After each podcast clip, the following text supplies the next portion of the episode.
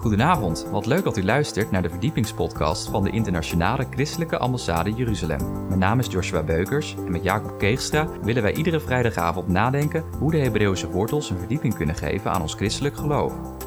In deze aflevering gaan wij verder met de Bijbelserie Gods Woord is één, over de brieven van Paulus. Wij wensen u veel luisterplezier. Welkom terug bij een nieuwe aflevering van Without Limits. Fijn dat u kijkt. Bij mij aan tafel weer Jacob Keestra. Jacob gaat met ons weer het woord van God delen. In deze boeiende studie die we al wekenlang doen. Gods woord is één. Jacob, heel fijn dat je er weer bent. Welkom bij Without Limits. Dank je. Je hebt weer een uh, geweldige studie voorbereid. Ja, en verder. waar gaat het dit keer over? Nou, uh, over de praxis van het evangelie. Handelingen. Oké. Okay. Alleen, voordat we daar direct zomaar induiken in handelingen... Uh, toch even kort, die vier evangelieën hebben we gehad... Ja. waarin Jezus wordt getypeerd als koning, als knecht, als mens en als God. En het laatste evangelie, Johannes, hebben we gezien... maar dat volgt ook helemaal de lijn van de feesten... Over de feesten gaan we nog een serie uh, opnemen. Ja. Maar Johannes begint in Johannes 5 met het wekenfeest, het Pinksterfeest. Dan in Johannes 7 het Loofhuttenfeest. Dan Johannes 10 het Chanukka-feest. En dan eindigt de winterfeesten en dan begint het weer met de voorjaarsfeesten. Johannes 13 met het Pesachfeest, waarin Jezus natuurlijk zijn ultieme daad van het is volbracht heeft gedaan. En dan op het eind van Johannes gaat het over feest der eerstelingen, dat hij de opstanding in het leven is. Nou, en vanaf daaruit is natuurlijk de lijn doorgetrokken naar handelingen. Want handelingen begint met dat Jezus opstaat uit de dood en dat hij nog 40 dagen zijn discipelen onderwijs geeft en dat hij natuurlijk begint met te zeggen van ja, en dat stond natuurlijk ook al in Johannes 21, dat hij Jezus de opgestane Heer tegen de Emmausgangers en later s'avonds ook tegen zijn elf toen nog bange discipelen zegt, och dat gij niet alles gelooft, waaruit wet, profeten en geschriften betrekking heeft op hem. Dat de heiland moest leiden om tot zijn heerlijkheid in te gaan. En vanuit die context begint ook handelingen. Dat Jezus vanuit de dag van de opstanding, vanuit Pasen, nog 40 dagen tot hemelvaart, dus een hele periode, een afgesloten eenheid, onderwijs geeft aan zijn apostelen, aan zijn discipelen. Nou, daar had ik graag bij gewild, hè, uh, geweest om te zien wat Jezus vertelt ja. uit, uit het hele het Eerste Testament. Want Jezus had natuurlijk het Nieuwe Testament nog niet. Dat is pas 30 jaar na zijn ja. uh, heengaan naar de Vader geschreven. Dus Jezus had de schriften, wetprofeten en geschriften, die natuurlijk verwijzen naar hem. En dat gaf hij onderwijs aan zijn discipelen. En die konden dat dan natuurlijk in praxis, in praktijk, in de handelingen doen. En dan laten we ook lezen dat Jezus zelf zegt, het begint bij de tempel. Wanneer, Jezus bij de Olijfberg opgaat naar de Vader, dan zegt hij, ga terug. Want ge zult kracht ontvangen van de Heilige Geest en ge zult mijn getuige zijn te Jeruzalem, Judea, Samaria, tot aan de uiterste der aarde. Dus we zien ook dat bij het Johannes-evangelie en bij het Lucas-evangelie, waar het steeds ging over begin en eind met de tempel, dat bij handelingen begint het bij de tempel, maar het slot van handelingen is Rome. En dat Paulus ook getuigenis moet geven bij de keizer, de machtigste van die tijd, denkt hij. Maar dat de getuigenis van de Almachtige ook te Rome klinkt. Dus vanuit de Jeruzalem, het hart van Gods koninkrijk, de wereld in. Dus dat is een lijn die door de handelingen, de praxis van het evangelie gaat beginnen. En als we dan die 40 dagen dat Jezus onderwijs geeft, dan is dat afgesloten met de dag van de hemelvaart. En zullen we die teksten lezen uit Handelingen 3, vers 21 wat heel specifiek over de hemelvaart gaat. Ja, daar staat... Hij moest de hemel opnemen tot de tijden van de wederoprichting aller dingen, waarvan God gesproken heeft bij monden van zijn heilige profeten van oudsher. Mozes toch heeft gezegd, de Heere God zal u een profeet doen opstaan uit uw broeders, gelijk mij. Naar hem zult gij horen in alles wat hij tot u spreken zal. Ja, amen. Met andere woorden, wat Mozes al vertelde, dat was ja. heen verwijzen naar de Messias. Ja. En hier staat ook dat de hemel moest hem opnemen. Want het Johannes-evangelie hebben we vorige keer gezien. Dat begint bij de Vader. Hè. In het begin was het woord en het woord was bij God en het woord was God. En het is onder ons gaan wonen. En hij heeft zijn werk volbracht. Totdat hij weer zijn gerechtvaardigde plek bij de Vader heeft ingenomen. En dat begint hier bij handelingen. Dat Jezus hè, op het laatste moment dat hij zijn discipelen onderwijs heeft gegeven. En dan naar de Vader gaat om zijn plek aan de rechterhand van de Vader in te nemen. En daar staat erbij. De hemel moest hem opnemen. Tot de tijd der wederoprichting aller dingen. En dat heeft weer met Israël te maken. Dat heeft alles te maken dat Israël uh, eh, 2000 jaar lang uh, over de wereld verspreid is geweest. Ja. Maar God nu weer bezig is het volk te herstellen. Heerlijkheid voor uw volk Israël. En uiteindelijk verlossing van Jeruzalem. Dat was al over dat babytje Jezus geprofeteerd. Dus dat ligt in de aard van zijn roeping. En dus hier bij handelingen dat Jezus naar de hemel moest gaan. Maar hij heeft Jezus ook verteld in die gelijkenissen, die geheimenissen. Dat hij spreekt over het koninkrijk der is als. En een van die gelijkenissen gaat over de ponden. En over die koning die dan een verre reis moet maken om zijn autoriteit, zijn koningschap van de hoogste autoriteit te aanvaarden. Dus Jezus als hij koning der koningen en heer der heren zal zijn, dan moet hij van deze aarde naar de allerhoogste instantie gaan om daar zijn koninklijke waardigheid in ontvangst te nemen. Dus de hemel moest hem opnemen. En dan zullen we straks ook helemaal aan het eind van de Bijbel bij openbaring zien dat halleluja klinkt dan in de hemel. Nou, dat had de Messiah van Hendel, hè, had er al een voorproefje van het halleluja. En halleluja is wanneer de koning zijn koninklijke waardigheid in ontvangst heeft genomen. Nou, dan kan het feest op aarde beginnen. Dat zien we natuurlijk bij openbaring, hier bij handelingen, dat Jezus naar de hemel moest gaan. En hij zal zeggen, gij moet blijven te Jeruzalem om kracht te ontvangen door de Heilige Geest. Weet je nog, van die vijf beloften. Die zal in u zijn, zodat ge de woorden van Jezus weet. Je moet getuigen, maar de Heilige Geest doet overtuigen. En hij zal ons in de volle waarheid leiden en ons de toekomst verkondigen. Nou, daar zijn we mee bezig. Dat we door Gods Geest in het volle licht van het evangelie staan. En dat we ook weten wat er in de nabije toekomst gaat gebeuren. Nou, en dan... De bekende tekst uit Handelingen 2 van Pinksteren, dat wordt ook wel het gedeelte genoemd van het Pinksterfeest, het Wekenfeest, het Shavuotfeest, die 50 dagen na Pasen vanuit de Exodus was. En dan de eerste keer dat Israël um, dat uh, Pinksterfeest hè, van de 50 dagen viert, dan krijgen ze de woorden van God op stenen tafelen. Maar nu in het nieuwe verbond is dat de Heilige Geest. Die de woorden van God niet op stenen tafel, maar in ons hart doet printen. Dat is het nieuwe verbond wat Jezus zegt. Ik zal mijn geest in, mijn, in uw binnenste brengen en u de woorden van God, de Torah van God, in je hart schrijven. Om die te doen. Nou, dat is de belofte van God. Ja, Jezus zegt zelf ook hè, uh, dat de Heilige Geest je alles te binnen zal brengen wat ik gezegd heb. Ja, nou dan moet je de woorden van God door Gods Geest in je hart hebben. En dan kun je ook evangeliseren. Ja.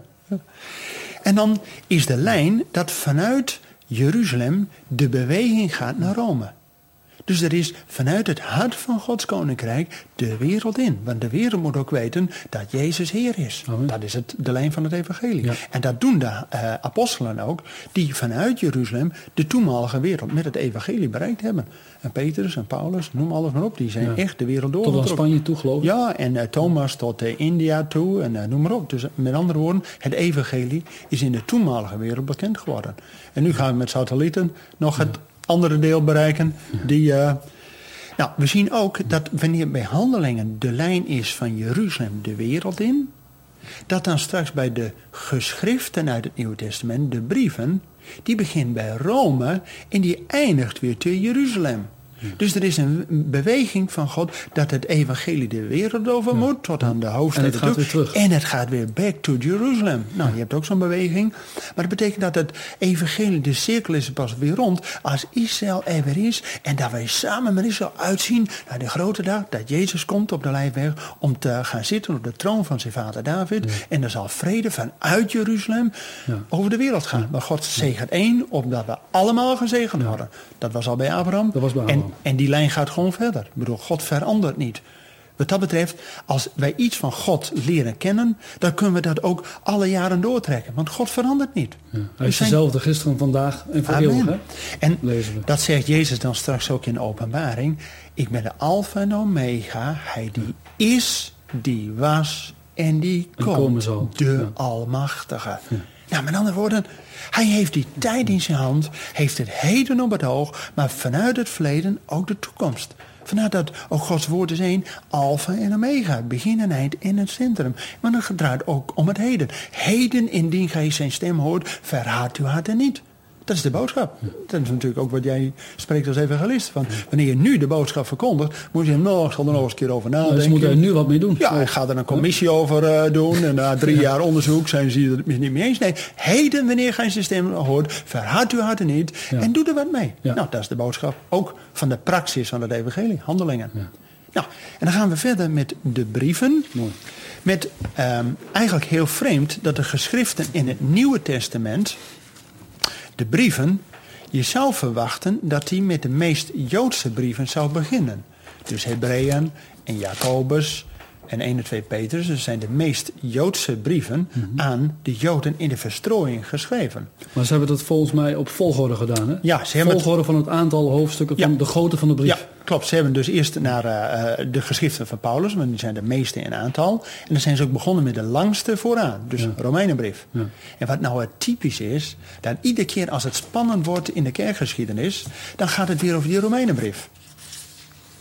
Dus we gaan vandaag ook zeker naar de Romeinenbrief. Dus het wordt vandaag spannend. Nou, het, het, het- het wordt een openbaring. Oh, God staat klaar om ons een heerlijke onderwijzing te geven. Amen.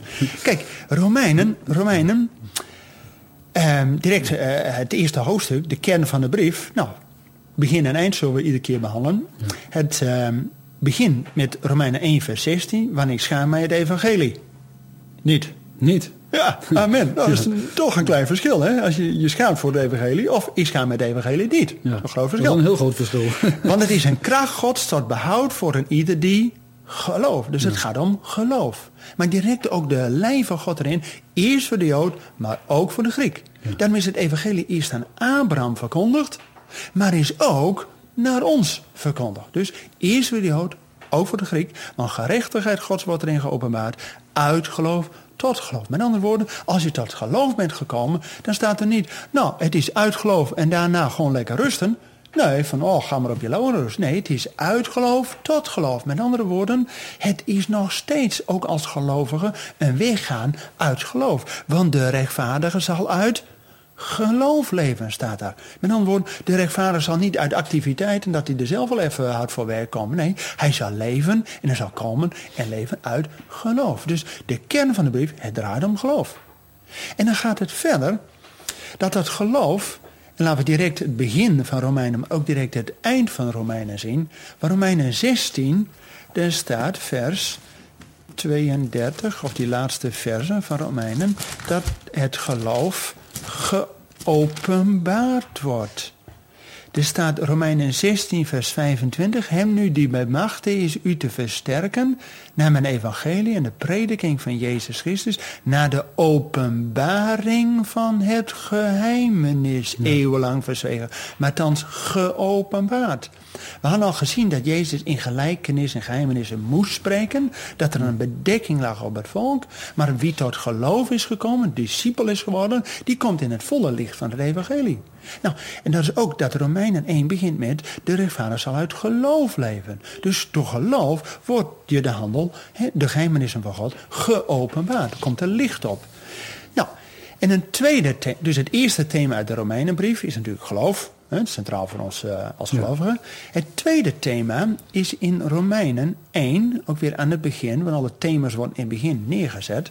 Dat direct in vers 20 en vers 21 van het eerste hoofdstuk, daar staat dat God gekend kan worden uit zijn schepping. Zodat alle mensen weten en kunnen weten dat er een God is. Dus het draait om schepping. Maar ze hebben alleen de schepping vereerd in plaats van de schepper. Ja, ja. En daarom is het duister geworden in hun hart. Dus een tweede thema vanuit de Romeinenbrief gaat over de schepping. En over de hele Romeinenbrief, van hoofdstuk 1 tot hoofdstuk eh, 16 in zijn geheel, dan bestaat die toch ook weer uit drie onderdelen. Ook weer zo mooi, drie onderdelen. De eerste acht hoofdstukken gaat over de situatie waarin wij zitten, hoe, wat onze positie is. Dan hoofdstuk 9 tot 11 gaat over de vernieuwing. En dan vanaf hoofdstuk 12 gaat over de praxis, over de praktijk. Als je vernieuwd wordt, wat doe je er dan mee? Dus laten we ook kijken naar dit eerste gedeelte, hoofdstuk 1 tot 8. Dan is de situatieschets dat we juist, ja, eh, eh, vaak de schepping eerder vereren dan de schepper. Vandaar dat ook aan het slot van het eerste gedeelte, Romeinen 8, staat dat de schepping is aan de vruchteloosheid onderworpen. Er staat zelfs een heel kernachtig woord in het Grieks, matthiotis, vruchteloosheid. Met andere woorden, het wordt gewoon niks. Daarom staat dat hele gedeelte van hoofdstuk 1 tot 8, dat als je ervoor wilt werken, wordt het er niet. En er wordt een voorbeeld gehaald van, van het volk Israël, dat ze vooral moeten kijken naar hun vader Abraham, die niet door werken, door de Torah te doen, eh, behouden werden, maar Abraham werd door het geloof gerechtvaardigd. En de rechtvaardig zal uit geloof leven, lezen we hier in Romeinen 1 logisch dat dan het slot van dat eerste gedeelte, Romeinen 8, dat de schepping is aan vruchteloosheid onderworpen. Met andere woorden, dat wordt hem niet. Maar de schepping die zucht en is baresnood en die zucht nadat het openbaar worden van de zonen gods. Zie je dat wanneer wij tot geloof komen, dat we zonen gods genoemd worden, dat de wereld, de schepping er naar uitziet dat dat geopenbaard wordt? Dus de wereld heeft er niks aan dat wij christen zijn en dat we dan gewoon lekker in ons eigen hoekje gaan zitten, maar dat het bekend wordt, dat we ons licht laten schijnen voor de wereld. Nou, Juist evangelist weet dat als, om dat natuurlijk te doen. Met andere woorden, we worden uit de Romeinenbrief opgeroepen dat als de situatie is, jongens, die schepping is aan vruchteloosheid onderworpen, maar die zucht en is in baresnood tot het openbaar worden van de zonen gods. En daarom gaat het natuurlijk ook in Romeinen 8 om een leven voor ons als christenen uit de geest. Laten we toch even die lijn zien. Want uh, anders zou dat misschien wat te snel gaan. Romeinen 1, het gaat om het geloof. Romeinen 3 en 4, ze geeft Israël aan van ja, die dachten doordat ze de wet nou maar zouden houden, de, de, de regeltjes, dan komen er wel. Nee, zegt de Bijbel, je wordt door geloof gerechtvaardigd. En dan, wanneer er weer spannen wordt in de wereldgeschiedenis, kengeschiedenis met uh, bijvoorbeeld Luther, en dan komt Romeinen hoofdstuk 5, de, de tekst van Luther, van de Reformatie. Wij dan gerechtvaardigd door het geloof. En precies dezelfde boodschap als, als Romeinen 1. En door het geloof hebben we vrede met God. Maar nou komt het, en dan hebben we bij de evangeliën ook al gezien, dat Jezus zijn bergreden zegt met zalig die treuren en die vervolgd worden en die. En dat staat ook in Romeinen 5. Als we door geloof gerechtvaardigd zijn en vrede met God hebben. Dus de relatie met de Almachtige weer vrij is. We hebben ons verzoend met God. Amen. Maar dan komt de moeilijkheid. Dan begint het leven als christen. En er staat er dat wij beproefd worden. Zodat het volharden. En die volharding moet hoop uitwerken. En dan straks ook eh, 1 Korinthe 13, geloof, hoop en liefde. In het centrum staat de hoop. Want de wereld heeft geen hoop. Daarom is de wereld, is, is, die zucht ernaar dat de zonen God geopenbaard worden. Zodat er weer hoop komt.